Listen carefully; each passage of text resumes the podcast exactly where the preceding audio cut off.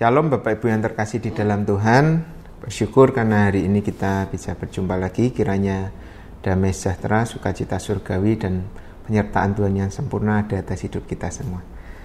Nah, kita akan merenungkan firman Tuhan dari Daniel 3. Ini satu perikop yang bicara tentang Sadra, Mesa, dan Abednego menghadapi dapur api.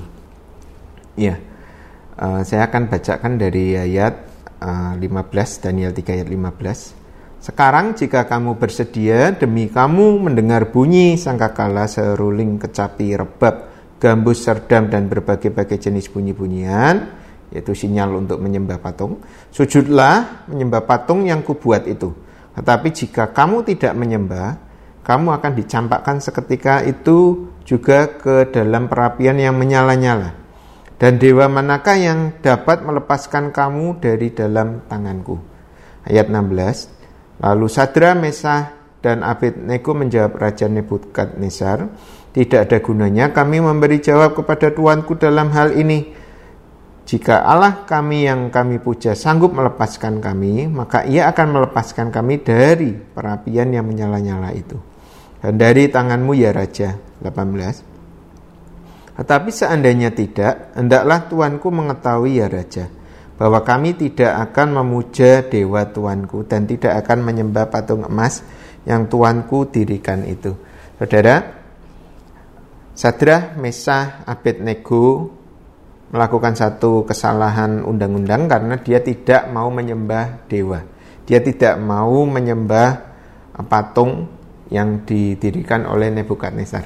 Nah, ini adalah satu pelanggaran dari ketentuan yang sudah dibuat oleh raja.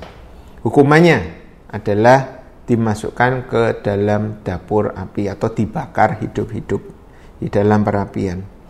Nah, kita belajar dari uh, satu kebenaran firman Tuhan ini, sejarah ini, bahwa iman seperti apa yang dimiliki Sadra Mesa Abednego.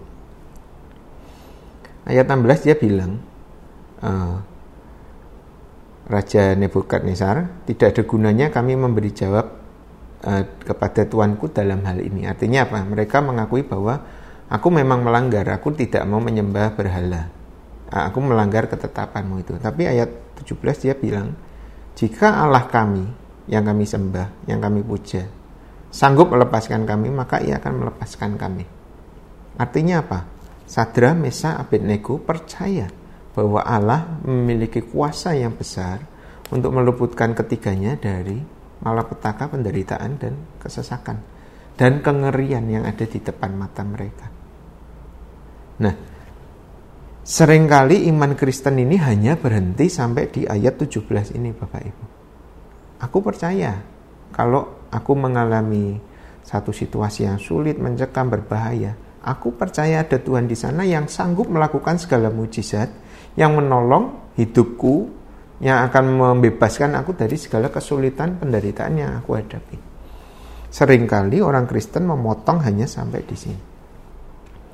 Tapi iman percaya yang sejati yang ditunjukkan Sadra, Mesah, dan Abednego ada di ayat 18. Tetapi seandainya tidak, hendaklah Tuanku mengetahui ya Raja, bahwa kami tidak akan memuja dewa Tuanku dan tidak akan menyembah patung emas yang Tuhanku dirikan itu. Apa yang dilakukan Sadra Mesa Abednego ini memberikan kita gambaran yang jelas mengenai bagaimana mempercayai Tuhan, bagaimana dasar yang kokoh di dalam mempercayai Tuhan.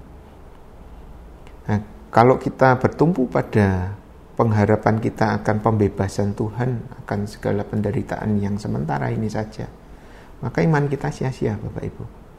Tapi Sadra Mesa Abednego mengajarkan, memberi kita teladan bagaimana mempercayai Tuhan. Sekalipun Tuhan tidak menolong, sekalipun tidak ada mujizat Tuhan, sekalipun aku harus mengalami rasa panas terbakar, meleleh di atas api, aku tidak akan menanggalkan imanku kepada Tuhan.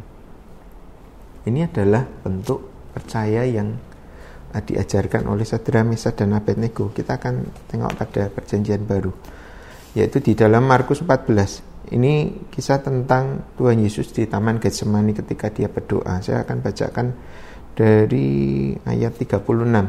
Katanya, "Ya Aba, ya Bapa," Yesus berdoa, "tidak ada yang mustahil bagimu. Ambillah cawan ini daripadaku, tetapi janganlah apa yang ku kehendaki melainkan apa yang engkau kehendaki."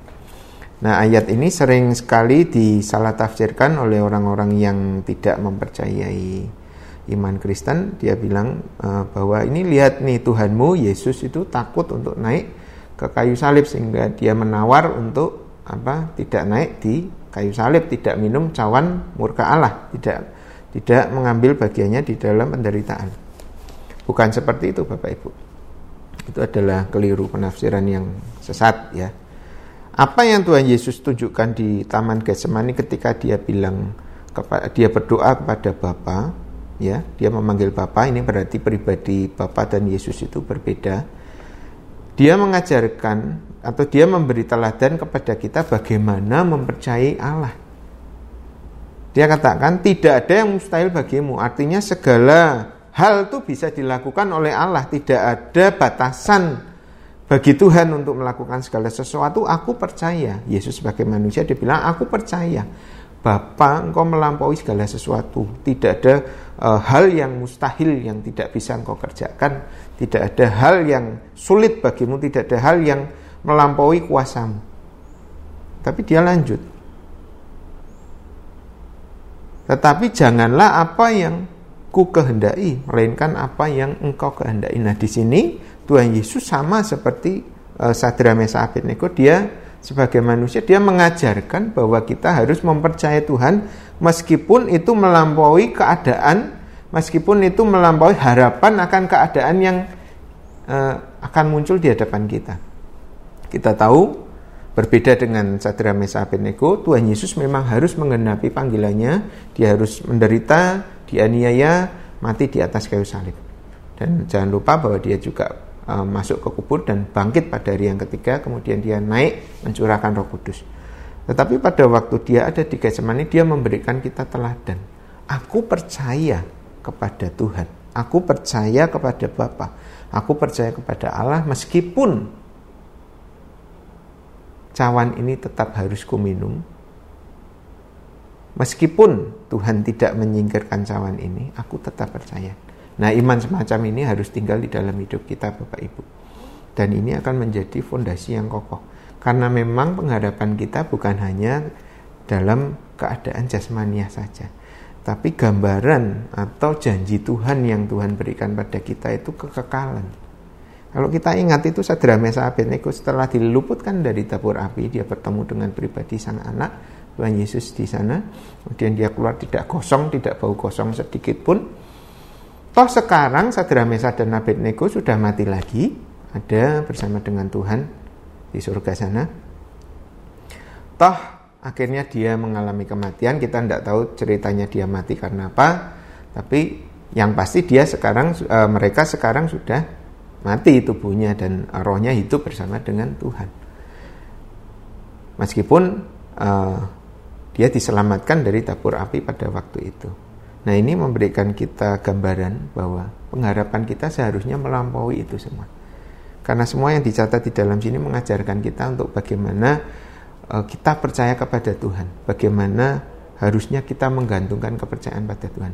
Kalau kita mengalami sesuatu yang sulit, kita mengalami sesuatu yang mengerikan, menurut pandangan kita, wah ini akan mengerikan. Kita ambil sikap seperti Sadra Mesa dan Abednego. Kita ambil sikap seperti Tuhan Yesus meskipun cawan ini tidak berlalu, aku percaya Engkau adalah Allahku. Meskipun uh, dapur api ini tetap harus terjadi padaku, aku tetap percaya bahwa ada Tuhan di situ. Meskipun aku harus melalui segala penderitaan, aku percaya bahwa Engkau tidak meninggalkan aku. Aku percaya bahwa Engkau tetap Allahku selama-lamanya. Meskipun tidak terjadi sesuatu yang baik secara pandangan mata, terjadi dalam keadaanku, aku tetap mengasihi dan percaya kepada Tuhan. Nah inilah makna dari iman percaya yang diajarkan oleh Sadra, Mesa, dan Abednego dan Tuhan Yesus. Ketika dia melayani sebagai manusia, dia memiliki tubuh jasmani. Kita mesti meniru apa yang Tuhan ajarkan. Kalau iman percaya kita hanya terbatas pada perkara-perkara jasmania maka sia-sialah. Tapi rencana Tuhan itu jauh melampaui hidup kita yang hanya 70-80 tahun ini saja. Tapi dia mau kita percaya dia dan kita mengasihi dia dan kita uh, melampaui apa yang ada di hadapan kita. Keadaan situasi yang ada di hadapan kita. Iman kita melampaui dari itu semua. Nah ini yang akan uh, kita lakukan dalam iman percaya dan saya berdoa kiranya sharing firman kali ini akan memberkati hidup kita semua. Percaya bahwa janji Tuhan sekali-kali aku tidak akan meninggalkan kamu. Sekali-kali aku tidak akan membiarkan kamu. Ini artinya dalam segala keadaan berdoa boleh berdoa kita berdoa Tuhan lakukan segala malapetaka dari dari hidupku tapi kalau kita harus melalui segala sesuatu yang menurut kita tidak enak, percayalah, dia tidak pernah meninggalkan dan dia tetap Allah yang berkuasa untuk menolong kita. Tuhan Yesus memberkati. Shalom.